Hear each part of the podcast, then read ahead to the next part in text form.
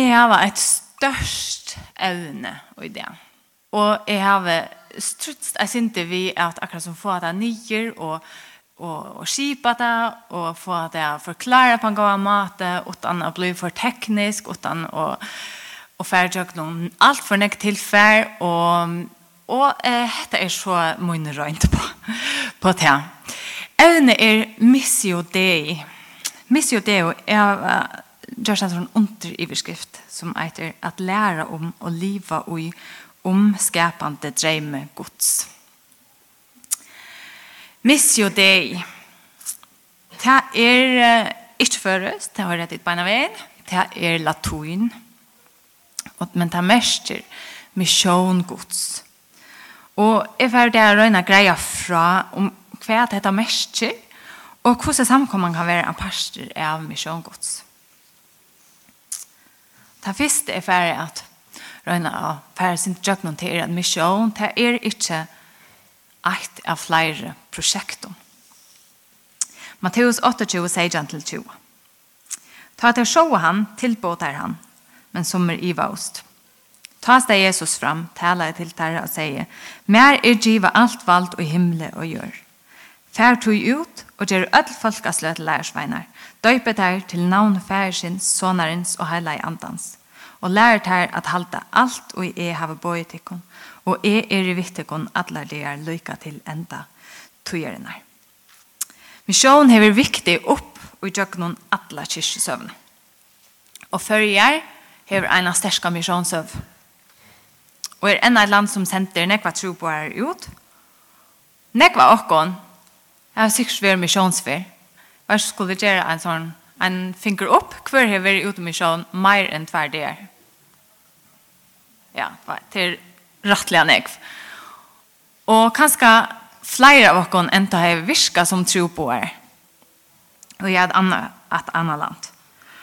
Og løften har vi tro på han som en av sånne stolen, altså ser man vi lære samfunnet til byen og tjenest. Så tro på han är viktig. Men som en tur kan det virka som att tro på han til er, eller mission till er, et sort, ett projekt som samkomman hever. Um, en tydning av mykjel oppgave, men, men allikevel en middel flere oppgaver. Um, og det er hantan hoppor som er vil røyne at avbjøa sin tro i det. Jeg er ikke at vi skal flytte og komme fra at hoksa om misjon som et projekt innan samkomman til misjon som en tjøknogrøypende parster av ver og samkomne. Og tog vil jeg først hitte etter hver misjon hever sin opprona. Og jeg tror jeg enda gode. Og han er en misjonerende god. En sendende god. Og hans misjon omfatter alt skapende verst. Er det vi så lengt?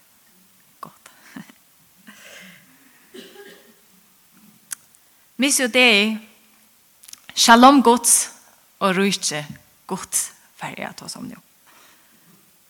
Om vi tar atter til missionsbåt så sørger vi at mission henter i navnet tog tru til Guds. Altså, fær ut og gjør ødel følskaslet til lærersveiner, døypet her til navn færsins, sonarins og heilai andans. Så frist og fremst er ikke mission eh, samkommens mission, men det är Guds mission. Alltså det är missio dig, det Guds mission. Och detta får vi et vått av i missionsbanan och i hine evangelien eisene, særlig til Lukas och Janse. Lukas sier att båtskaperen skal prätikas och i navnet Jesus och i kraft andans som färgeren hever lova. Och Johannes sier att Jesus sender lærsveinene som färgeren hever sendt han. Och så antar han av dem og sier, tær ikke imot hele i. Jeg kan lese til skriftspråket. Det er og Johannes, nå er vi, det er 21 og vers 21-22. Jesus sier ta at du vet der, frier vær vidt ikon, som feiren har sendt med, sendte er ikon. Ta han hette hei sagt, anda han at der og sier vidt der, tar seg imot det hele andan. Og Johannes leier okkon her til god som tan sendande god. Lærsvanner, samkomman er det første som god sender ut. Men, men god sendte sin son, Jesus. Og Johannes skildra heter Johannes 8, 9-11. Hitt sanna Jose, det som lyser iver ödel menneske, skulle nu komme i heimen.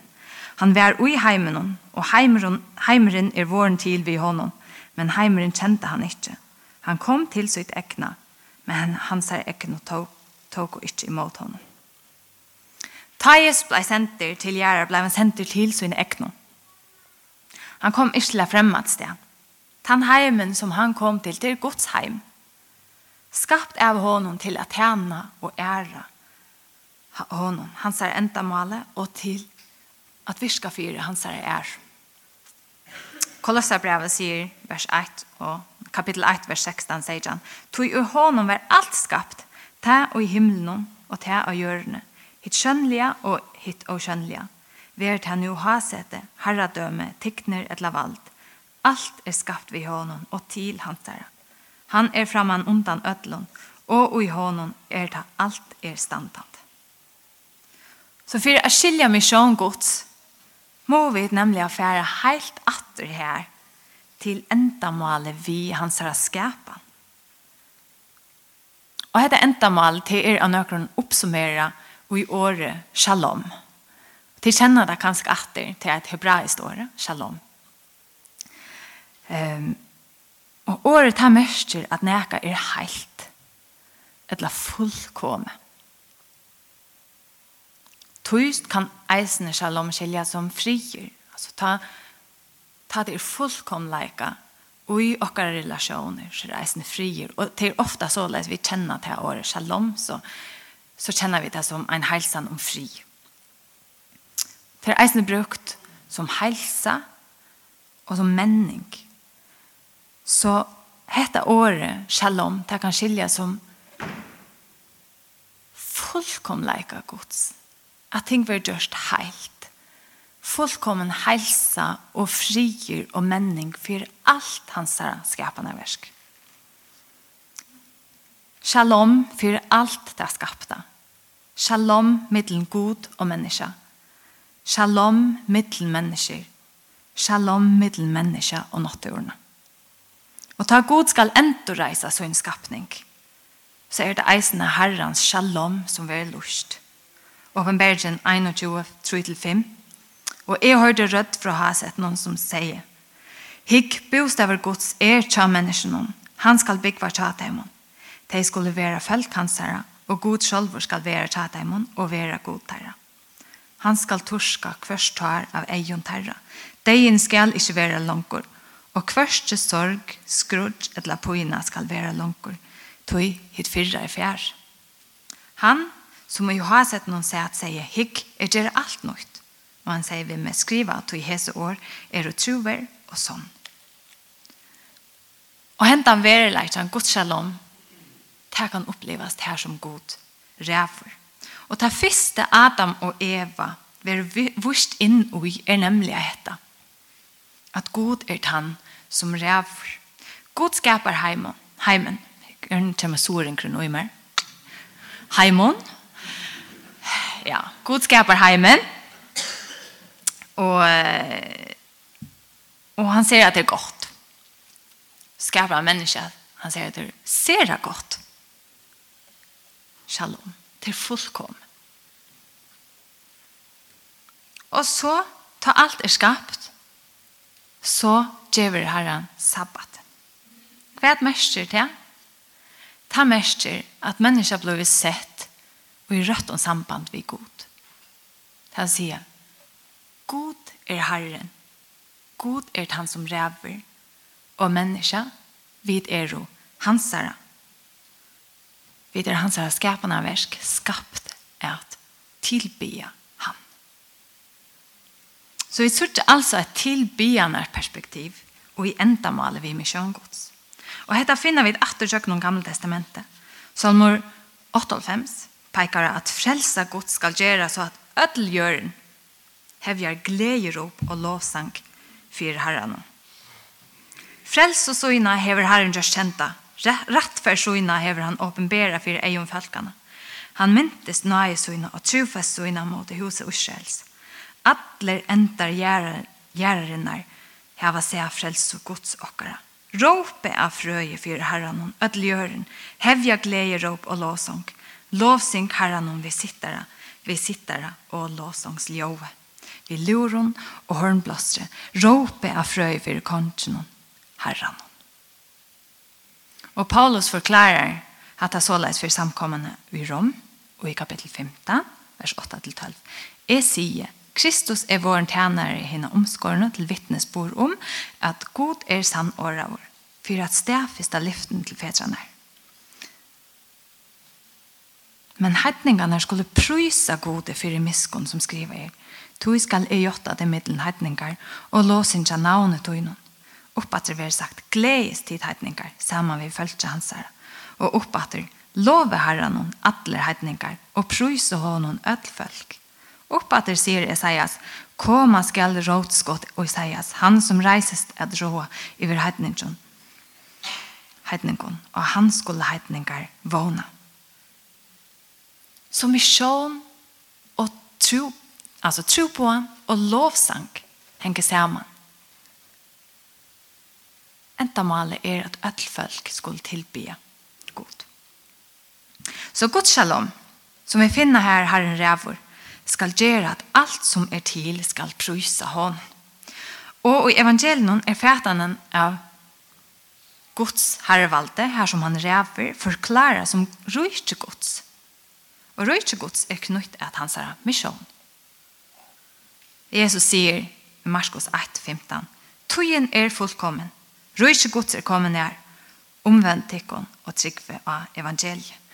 I Lukas 4, at han skal beskrive så, det som han gjør, så viser han ha av det som kan skildre som Guds shalom.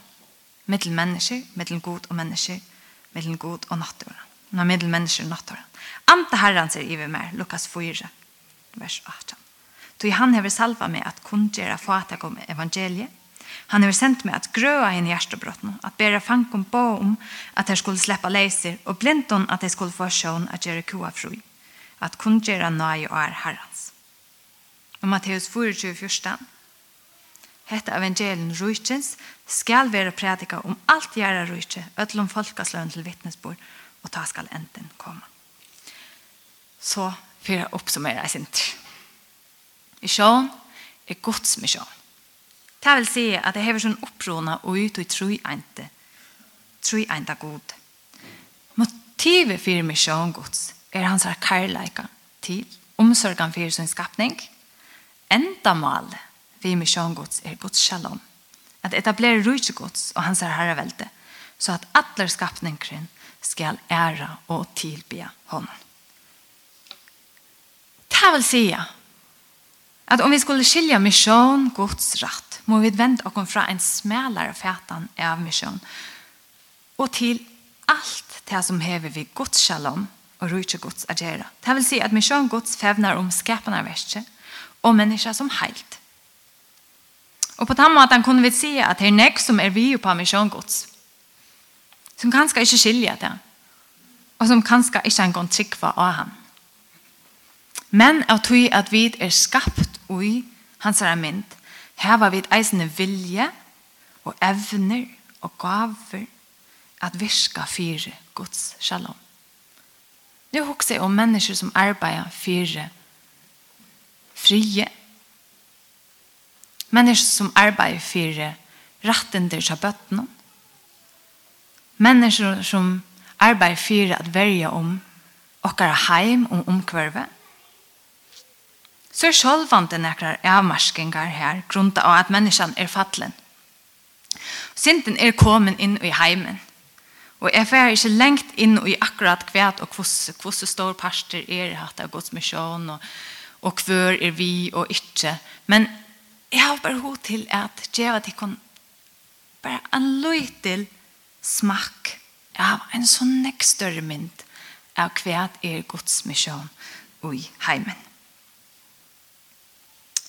Så er det samkomman.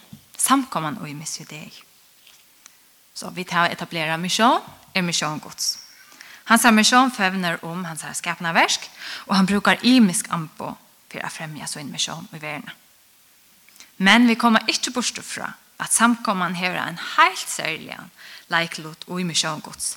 Fyra Petrus brev 2 nudje sier, men tid er utvalgt ett, kongelige prestaskaper, heiler tjo, åknar folk for at tid skulle kunngjøre dikter hans herre som kattler i tikkon, ur mysksen inn og i underfodla jås sutt.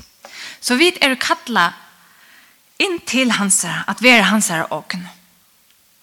Samstundes er vi kallar av honom til hans herre versk. Det mest brukte året for samkommet og i Norske testamentet, eklesia, kommer eisen fra verbet kaleo. Det mest er kattla eller råpa. Så i samkommens nattora og i samkommens djupaste verre ligger det misjonerande aspektet. Samkomman er kattla at være pastor av missio deo. Det er at være pastor av Guds misjon og i verden. Så samkomman ska vara en pastor av att breja rujtje gods och gods shalom för atlanskapningen. För det första märker heter samkomman kan vi kjenne en ta samstarva vi ånder som efter bästa evne söker att varva ett gods skapning. För det nästa märker är nei, jorda velferd, omkvarves vi skifter, er eisen entamal innanför samkomnar missionsuppgave. lät det akkurat som bara synka sin tryn. Och så det viktiga. Tå kan samkomman ångan tog. Avmarskast til tøylers virke. Misjonen finner seg i sentrum og i sonen. Og i Jesu Kristi liv. Han ser kross deg og oppreisen. Alt Nudja testamentet knyter hetta sammen. Lukas 24, som vi langt av lest flere før, 46 til 94. Han sier vidt der, så er skrivet at Kristus skulle loja og tria deg en rysa opp fra gjennom deg. Og er det i navnet hans er omvending og sinterfyrgjeving skal være prædika for ødlenfeltkastlønnen og byrjast i Jerusalem. Tid er å vittne om. og jeg sendte iver til kontea som færmån hever lova, men tid skulle være i stenon inntil tid være latner og i kraft av hatten. Båskapen om Jesus er helt sentral. Galaterbrev 3, 3, 13 14. 13. Kristus kjøpte okkon leis undan banne lovarinnar. Ta jo han var band for okkon til skriva er, banna var er kvart han og jonkru at treie for at sikning Abrahams kunde og i Kristi Jesu koma i heitningarna, så vidt vi trunne kunne få andan og lova over vær. Det vil si at da vi tåsa om shalom gods og rujtje gods, er eisne omvending og frelsa knytt er at hesum. Tui og rujtje gods er frelsa og frelse. Her vil menneska oppa en radikala mata, sett og i rett forhold vi god de opplever shalom gods. Så ikke i stedet for, eller avhengig av, men ser man vi predikanene av glede i bådskapen, høyre kærleikans gjerer til, som løste av mennesker og gjerer til frals.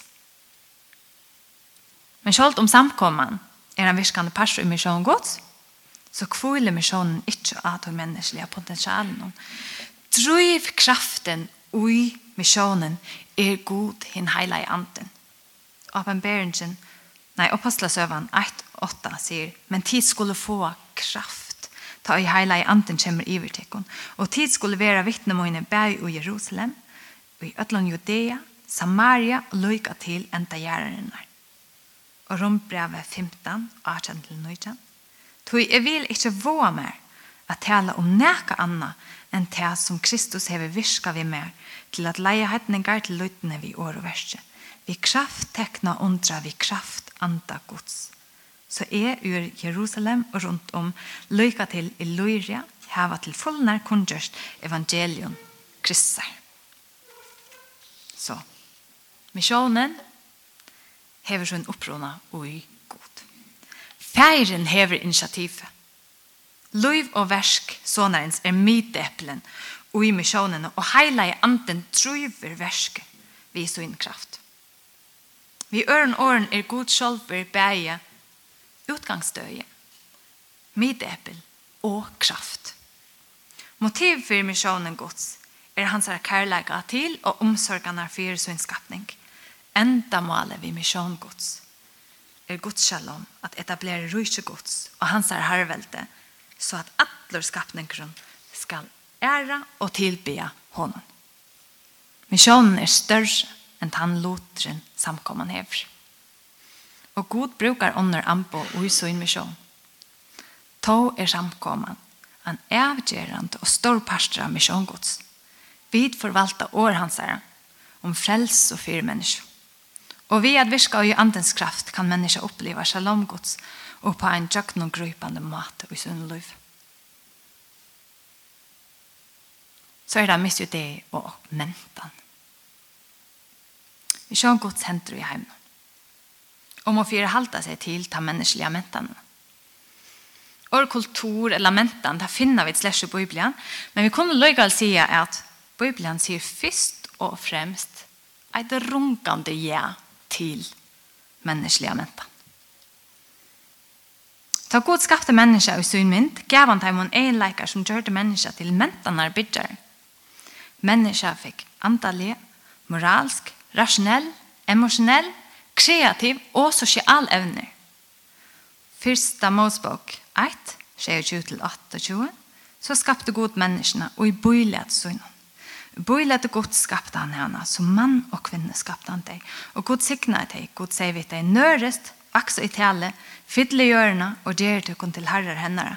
Rai over fisk og sjånon, foklen under himmelen, og iver kvarjon døyre og i hjørne rørest. Hendan oppgaven er tjeit er at mennesker, menner eina mentan, bei mån til natturna, og så inn med mennesker.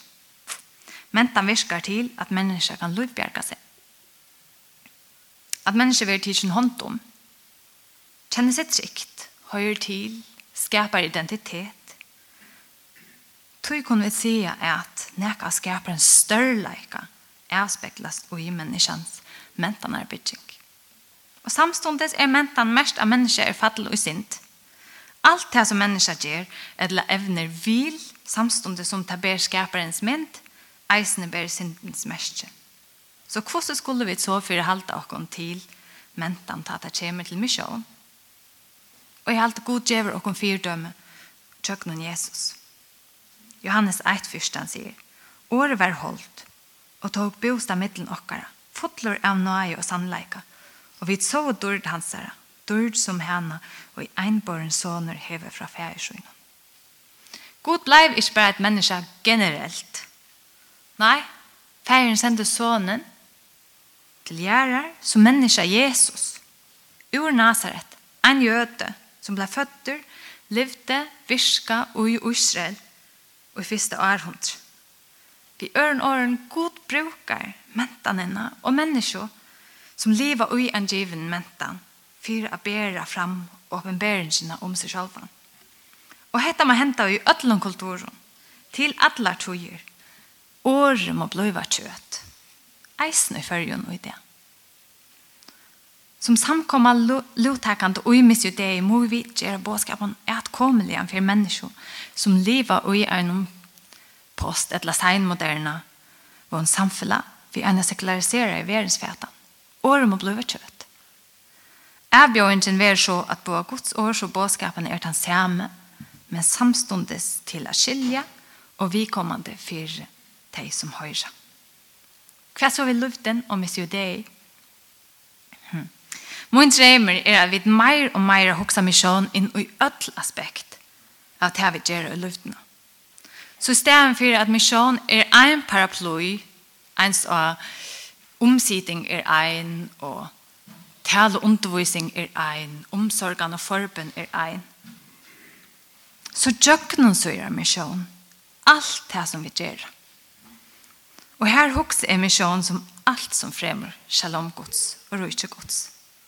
Så tid som er vi og en tjeneste, og tid som er tjenestleier, hvordan kan tikke et tjeneste opp at det meier være mest av misjø deg? Hvordan kan tikke et tjeneste virke fyre at skapene verste og mennesker opplever helt og fullkomleika i relasjonen vi god og vi kvann annan og vi nåtturen? Så drøy meg om at vi i en større grad være parster av at virke fyre shalom gods i samfunnet at vi døk noen kraft heila i andans. Men vi okkara praktisk og gavon og evnon kunne bjóa menneskjon ein smakk av gosk og gods. En parstre hesson er til dømes at vi som samkommer er samstavspartner vi folkehelsarar og i verskattelen ABC for salerlig helse. Og så tror jeg meg om at vi enn mer røkker ut vid båtskapen om Jesus, og på en måte som er inkarnerer vår og i mentanene, og som er vikommande for mennesker i fyrrjon og det. Særlig at de som ikke er nækka tilknøyte til samkommet fremanunta. Og her er alltid badnemøtene som feres rundt om og fyrrjer et fantastisk døme på at vi stretcher akkurat etter tog. Og eisne blodgen som Jekvan hever, her han eh, rører gjerendagslige evner, men eisne bjøver nækka av Guds shalom. Og så drømmer jeg om at vi kunne være vi at bråta nye strukturer og system i samfunnet som øyelegger mennesker. Til dømes å kjempe mot menneskehandel. Jeg gledes om at vi som samkommer har sendt troboer ut i heim og stoler til heim. Og at vi er samstadspartnere vi åpner dør. Gledes om alt som fær at høymesfer vi. OM, Teen Street, Youth with a Mission og, mission og alt mulig annet. Og öll tid som er vi og i arbeidnån av Sarepta, badna lever i Grønlandet og så fram etter. Og jeg byr om at vi må fortsette å være en engasjera, misjonerande samkomme. Må god gjeve okkom kreativitet og velvilje så vi kunne gjøre hans navn størst. Vi i Høyvøk, vi i Torshavn, vi Førjon og ut.